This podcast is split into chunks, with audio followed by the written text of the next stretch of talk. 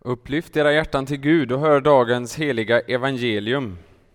Det är hämtat från Lukas evangeliets 24 kapitel. Jesus sa till sina lärjungar Jag ska sända över er vad min far har lovat, men ni ska stanna här i staden tills ni blivit rustade med kraft från höjden. Sedan förde han dem ut till Betania, och han lyfte sina händer och välsignade dem. Och medan han välsignade dem lämnade han dem och lyftes upp till himlen. De tillbad honom och vände tillbaka till Jerusalem i stor glädje. De var ständigt i templet och prisade Gud.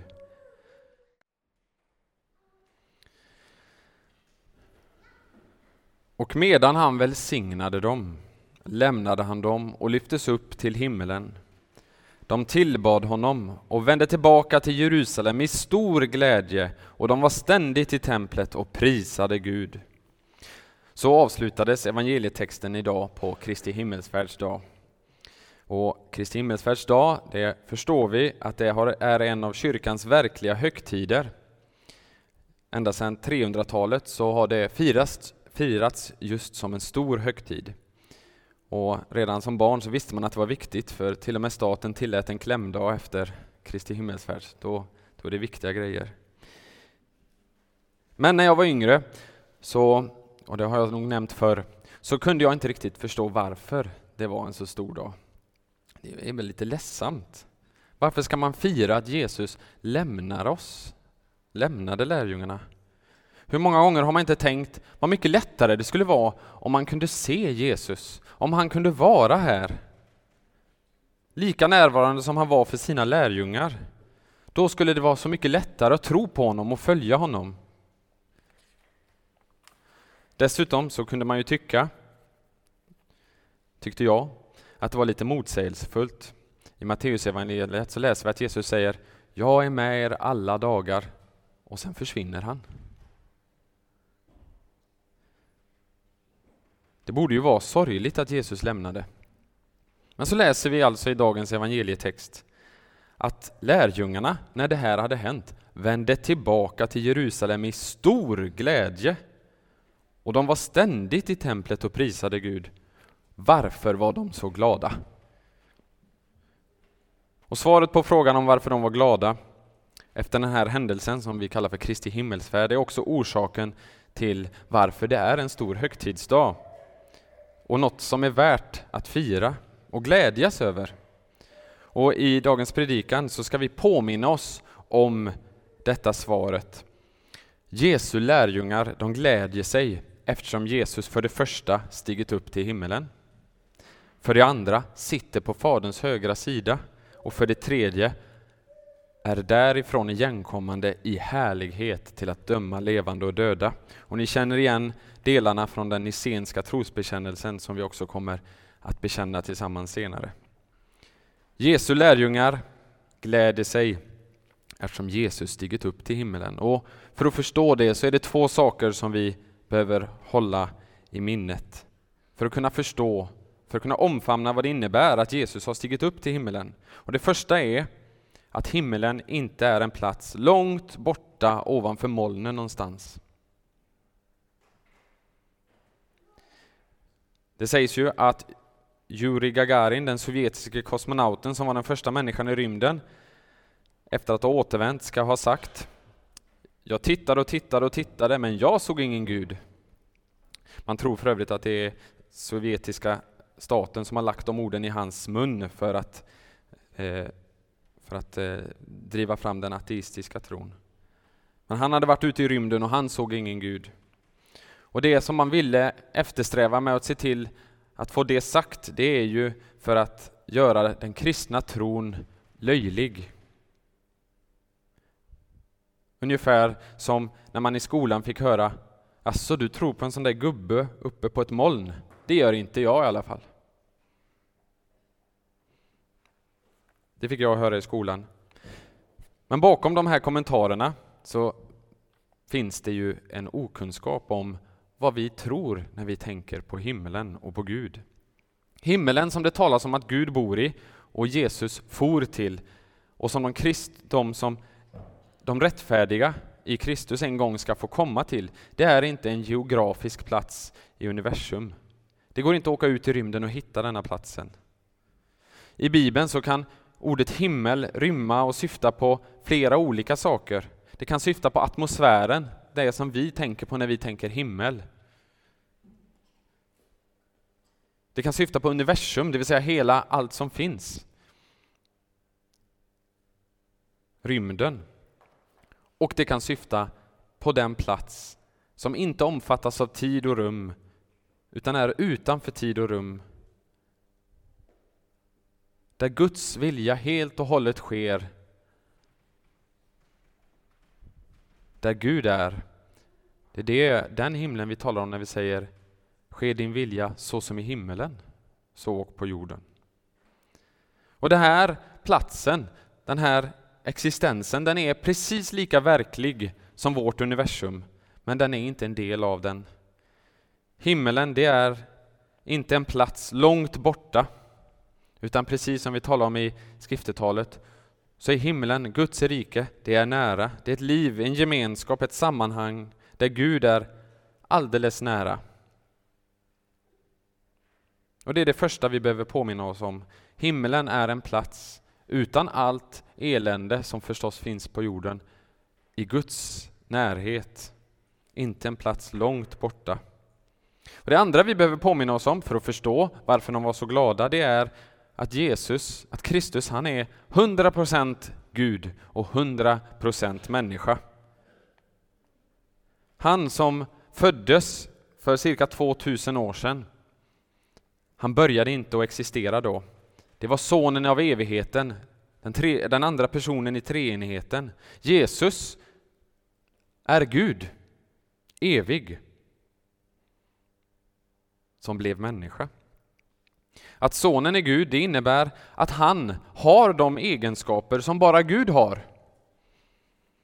Som Gud så har han egenskapen och förmågan att vara överallt samtidigt och veta allt som går att veta och ännu mer än det. Och att ha en obegränsad makt. Han är Gud helt enkelt. Det lilla barnet som föddes i Betlehem var Gud själv. Och när sonen av evighet blev människa så fick han namnet Jesus. Då slutade han inte att vara Gud. Hans gudomliga natur och egenskaper förenades med den mänskliga naturen på ett sådant sätt att hans gudomlighet och hans mänsklighet inte blandades samman men, och inte har förändrats. Men de är heller inte delbara och går att skilja åt. Han var människa precis som vi och han är Gud av samma väsen som Fadern. Och överallt sedan inkarnationen där hans mänskliga natur är, där är också hans gudomliga. Och överallt där hans gudomliga natur är, där är också hans mänskliga. De är oskiljaktiga. Det här var någonting som, ja man får säga att de bråkade om det tidigt i kyrkans historia. Det var allvarliga strider i kyrkans historia kring just de här frågorna. Och många tycker, är det så viktigt? Ja, det är jätteviktigt. Det har enormt stor betydelse för oss om det är sant eller om det inte är sant. Det har enormt stor betydelse också för förståelsen av varför det är något att glädjas över att Kristus for till himmelen. Ibland har man talat om att Jesus har befunnit sig i olika tillstånd som gudamänniska. Det första, det brukar ibland kallas för utblottelsens tillstånd eller ödmjukhetens eller förnedringens tillstånd. Det är det vi läser om i Filipperbrevets andra kapitel. Han som var till i Guds gestalt räknade inte jämlikheten med Gud som segerbyte utan utgav sig själv och tog en tjänares gestalt och blev människan lik. Han är Gud, men han använde sig inte av det för sin egen vinnings skull, utan han tog en tjänares gestalt. Han blev som en av vi, levde under våra villkor, Sen ser vi ju förstås i Bibeln att han gör saker som inte vem som helst kan göra. Men notera, det är alltid för någon, någon annans skull. Han delade personligen våra villkor. Han som var aktivt deltagande i hela världens skapelse, allt har blivit till genom honom, läser vi. Han valde att förena sig med denna skapelse och helt dela våra villkor. Vi människor, vi är inte allvetande, vi är inte allsmäktiga och vi är verkligen inte överallt samtidigt, även om det kan kännas så.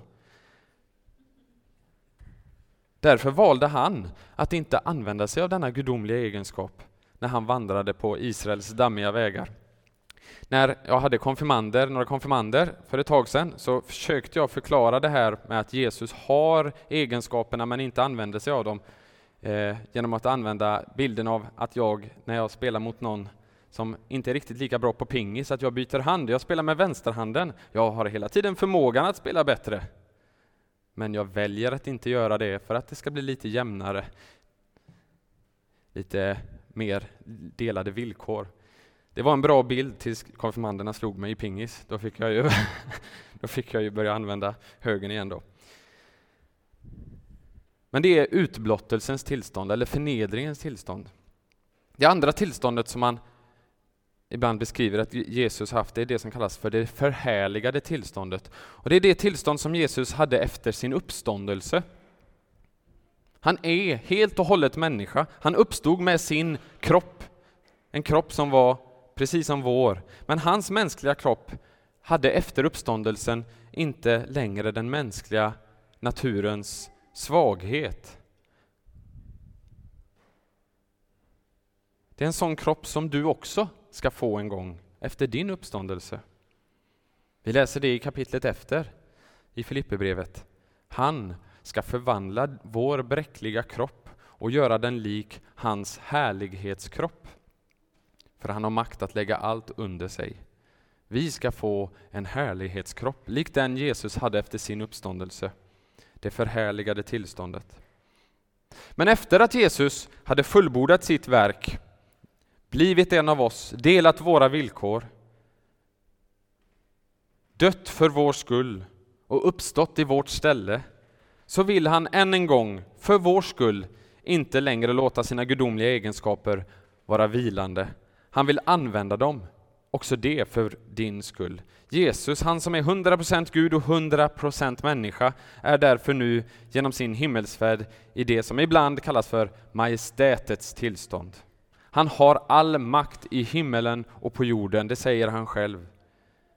Och än en gång så gör han bruk av sina gudomliga egenskaper som han alltid har ägt.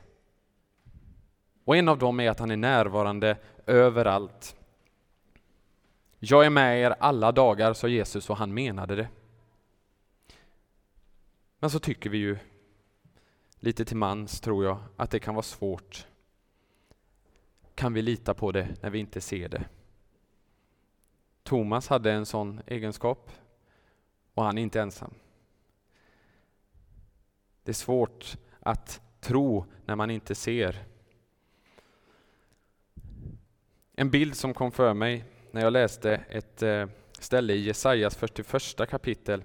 Där står det så här. Var inte rädd, för jag är med dig. Se dig inte ängsligt om, för jag är din Gud. Jag styrker dig, jag hjälper dig, jag stöder dig med min rättfärdighets högra hand. Då kom bilden av när jag lärde, det är ju Gud som talar om sig själv och oss förstås, men då kom bilden för mig av när jag lärde mina döttrar att cykla. Det började med att jag stod precis bredvid dem, höll i styret och höll i sadeln och de väldigt nervöst, krampaktigt höll fast där. Men de blev ju bättre efter ett tag och de kunde se mig. Efter ett tag sa jag, nu släpper jag styret och så håller jag i sadeln. De kunde fortfarande se mig. Och sen sa jag, nu släpper jag sadeln och jag är här, men se dig inte ängsligt om, som det stod, för då kommer du i det fallet att ramla. Men hur ska jag veta att du är där, minns jag att en av mina döttrar sa. Ja, du får väl fråga. Du får väl tala med mig. Lyssna och du hör att jag är där. Lita på när jag säger att jag är där, även om du inte ser mig.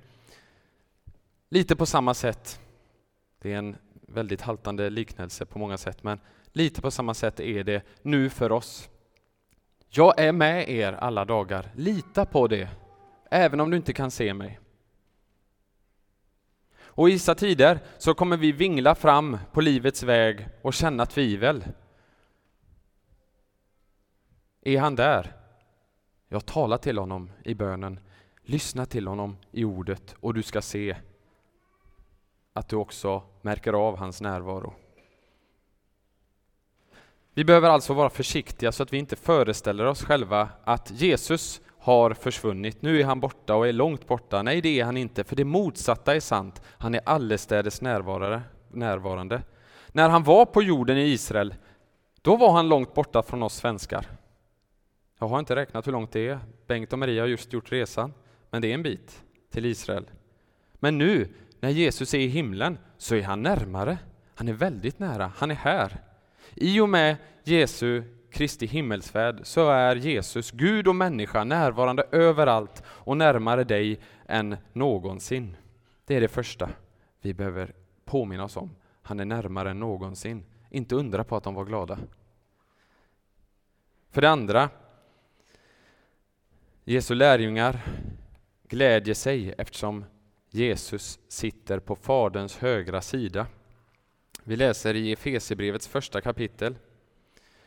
Den kraften lät han verka i Kristus när han uppväckte honom från de döda och satte honom på sin högra sida i himlen, högt över alla härskare, makter, krafter och herradömen och alla namn som kan nämnas, inte bara i denna tidsålder utan också i den kommande. Allt la han under hans fötter. Jesus sitter på Faderns högra sida.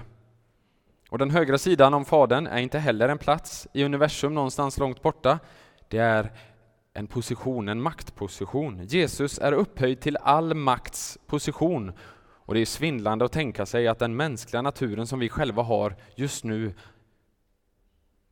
förenad med den evige guden, en av oss, har all makt i himmelen och på jorden. Vad betyder det att Jesus sitter på Faderns högra sida? Ja, det innebär för det första att Jesus har vunnit segern över alla fiender. Vi läste i gammaltestamentliga texten eh, idag från Psaltaren 110 om just detta.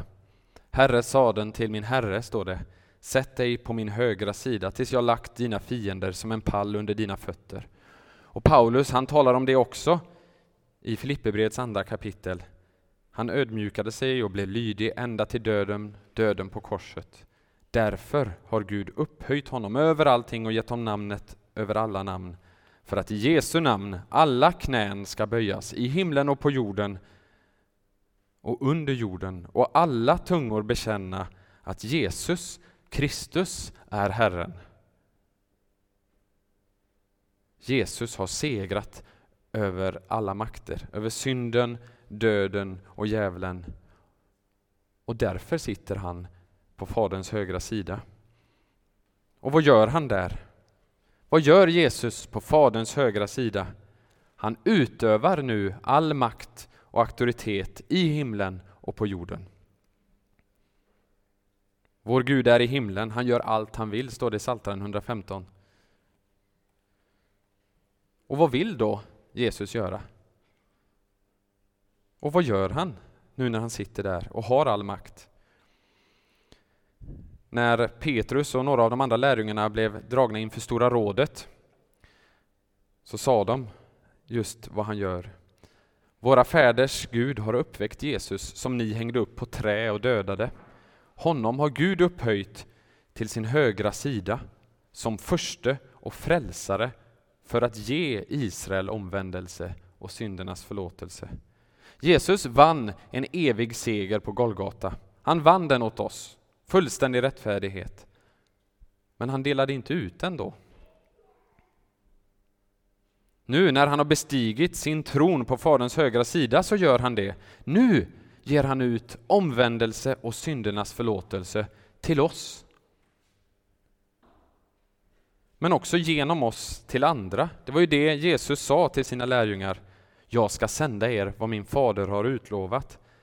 Ni ska stanna här i staden tills ni har blivit rustade med kraft från höjden. Kraft till vad då? Jo, till att bli mina vittnen. Till att bli mina vittnen. Jesus använder sin makt och sin myndighet för att rädda människor just nu i denna stunden. Och då Jesus gav oss missionsuppdraget, som vi kallar det, så var det aldrig tänkt att vi skulle göra det i egen kraft. Det skulle aldrig gå. För tron bara tron är ett Andens verk, men också frimodigheten, trosvissheten, uthålligheten, allt det som behövs för att fullfölja det här stora fantastiska mandatet att gå ut i hela världen och göra alla folk till lärjungar. Det är också ett verk av Anden som Jesus sänder. Det är Jesus själv som gör jobbet genom oss. Lukas, som har skrivit dagens evangelium, eh, evangelietext, han har ju också, som ni säkert känner till, skrivit Apostlagärningarna. Och där i de första verserna som vi också läste idag, så ser man att det är precis så det går till. Han inleder Apostlagärningarna på detta sättet. I min förra skrift, det är Lukas evangeliet då, i min förra skrift, käre Teofilus, skrev jag om allt som Jesus gjorde och lärde fram till den dag då han togs upp till himmelen. En bättre översättning här hade varit i min förra skrift skrev jag om allt som Jesus började göra och började lära. Underförstått, han håller på än. Jesus fortsätter sitt verk och ännu tydligare ser vi det i den allra sista versen i Markus evangeliet. Och de gick ut och predikade överallt, och det här är efter himmelsfärden, och Herren verkade tillsammans med dem.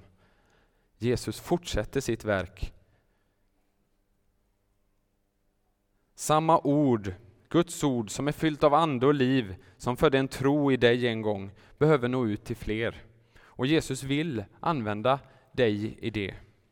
Du får också vara med och vara hans vittnen till jordens yttersta gräns.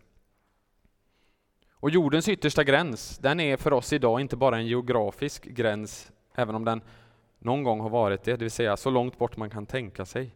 Idag så kan den ju sägas vara ett uttryck för dem som befinner sig på en plats långt borta från Gud. Det kan vara din granne som befinner sig i jordens, på jordens yttersta gräns i den bemärkelsen. Din arbetskamrat, dina klasskamrater, dina vänner. Och vi vet alla hur svårt det är att nå fram till dem som står oss allra närmast många gånger. Vi behöver verkligen att Jesus genom oss verkar, genom sitt ord ger oss sin ande så att vi får den kärlek, den kraft och den frimodighet som sträcker sig också till dem som befinner sig på jordens yttersta gräns, det vill säga så långt bort man kan komma från Gud.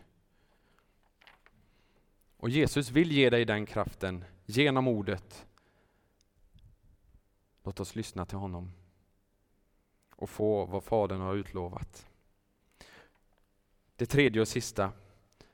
Jesu lärjungar glädjer sig därför att Jesus är därifrån igenkommande i härlighet till att döma levande och döda. Varför står ni och ser mot himlen? Den är Jesus som togs upp till er från himlen, han ska komma tillbaka på samma sätt som ni såg honom stiga upp. Det var det vi talade om i skriftetalet. Det var ju de två männen i vita kläder som sa det till lärjungarna. Jesus ska komma tillbaka. Och då kan vi säga, fråga oss, men vänta lite, har vi inte just sagt att han redan är här? Jo, så är det. Han är närmare dessutom. Men poängen här är att han ska komma tillbaka på samma sätt. Det gäller både honom själv och sättet han lämnade på. Jesus kommer komma tillbaka i synlig gestalt, så som han var synlig för dem när han lämnade dem. Och vi kommer också få falla ner inför honom och omfamna honom. Tala ansikte mot ansikte med honom. Men när han kommer då han kommer tillbaka så har han ett särskilt ärende och det är att hålla dom. Både de som är insomnade, de som har dött och de som fortfarande lever den dagen ska ställas inför Guds domstol. Alla ska uppstå. Och sen domen. Och det kommer vara den största glädjedagen för vissa. För många hoppas vi och får vi be om. Men för många andra så kommer det vara en fruktansvärd dag. Och ingen av oss vet vilken dag Fadern i sin makt har bestämt att det ska ske. Och eftersom vi inte vet det så verkar det som att vissa förhåller sig till den dagen och den domen ungefär som man ofta förhåller sig till sin egen död. Det är så långt kvar. Och jag vet att det också är många som tänker så och därför kan man vänta med att böja sig, böja sina knän inför Jesus redan idag, redan nu.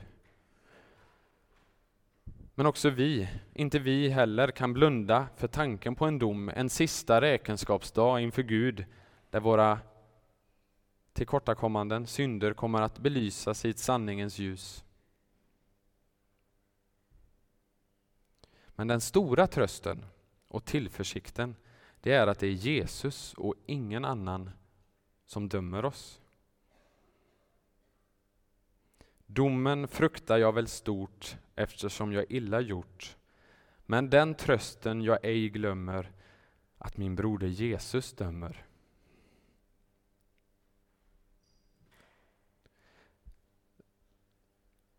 De här raderna är skrivna i slutet av 1600-talet av en poet som hade det lite roliga namnet, namnet Lasse Lucidor. Det var, det var någonting han la betoning på. Min broder Jesus dömer. Och det är stort, för vi vet att vi har en överstepräst som inte saknar medlidande med oss. För han har delat våra villkor helt och hållet. Vi har en Jesus som har, vi har, har en Gud, en domare, som har haft föräldrar. Vi har en Gud som har haft syskon. Vi har en Gud som har lekt, lärt sig gå. Vi har en Gud som har festat, höll jag på att säga, varit på bröllopsfest i alla fall. Men vi har en broder som också vet hur det är att bli sviken av sina närmaste vänner. Vi har en broder som vet hur det är att förlora någon av sina allra närmaste. Vi har en broder som vet hur det är att oroa sig inför döden.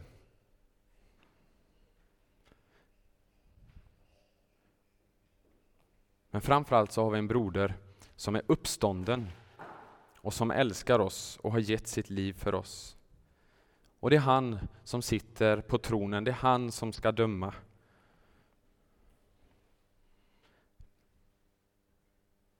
Den trösten jag ej glömmer att min broder Jesus dömer. Och varje människans önskan borde också vara det som det står i en psalm i vår psalmbok. Döm mitt hjärta här i tiden innan världen döms av dig, så att när tiden är förliden i ditt domslut fria mig. Och det evangelium, var och en som tror på Jesus ska bli frälst, är frikänd, skuldebrevet utplånat. Det är vår broder Jesus som dömer. Amen. Låt oss nu högt och gemensamt bekänna den tro som vi har döpts till i Kristi kyrka. Och vi gör det med idag på Kristi himmelsfärdsdag med den Nissenska trosbekännelsen och den finns längst bak i våra psalmböcker och i evangelieboken.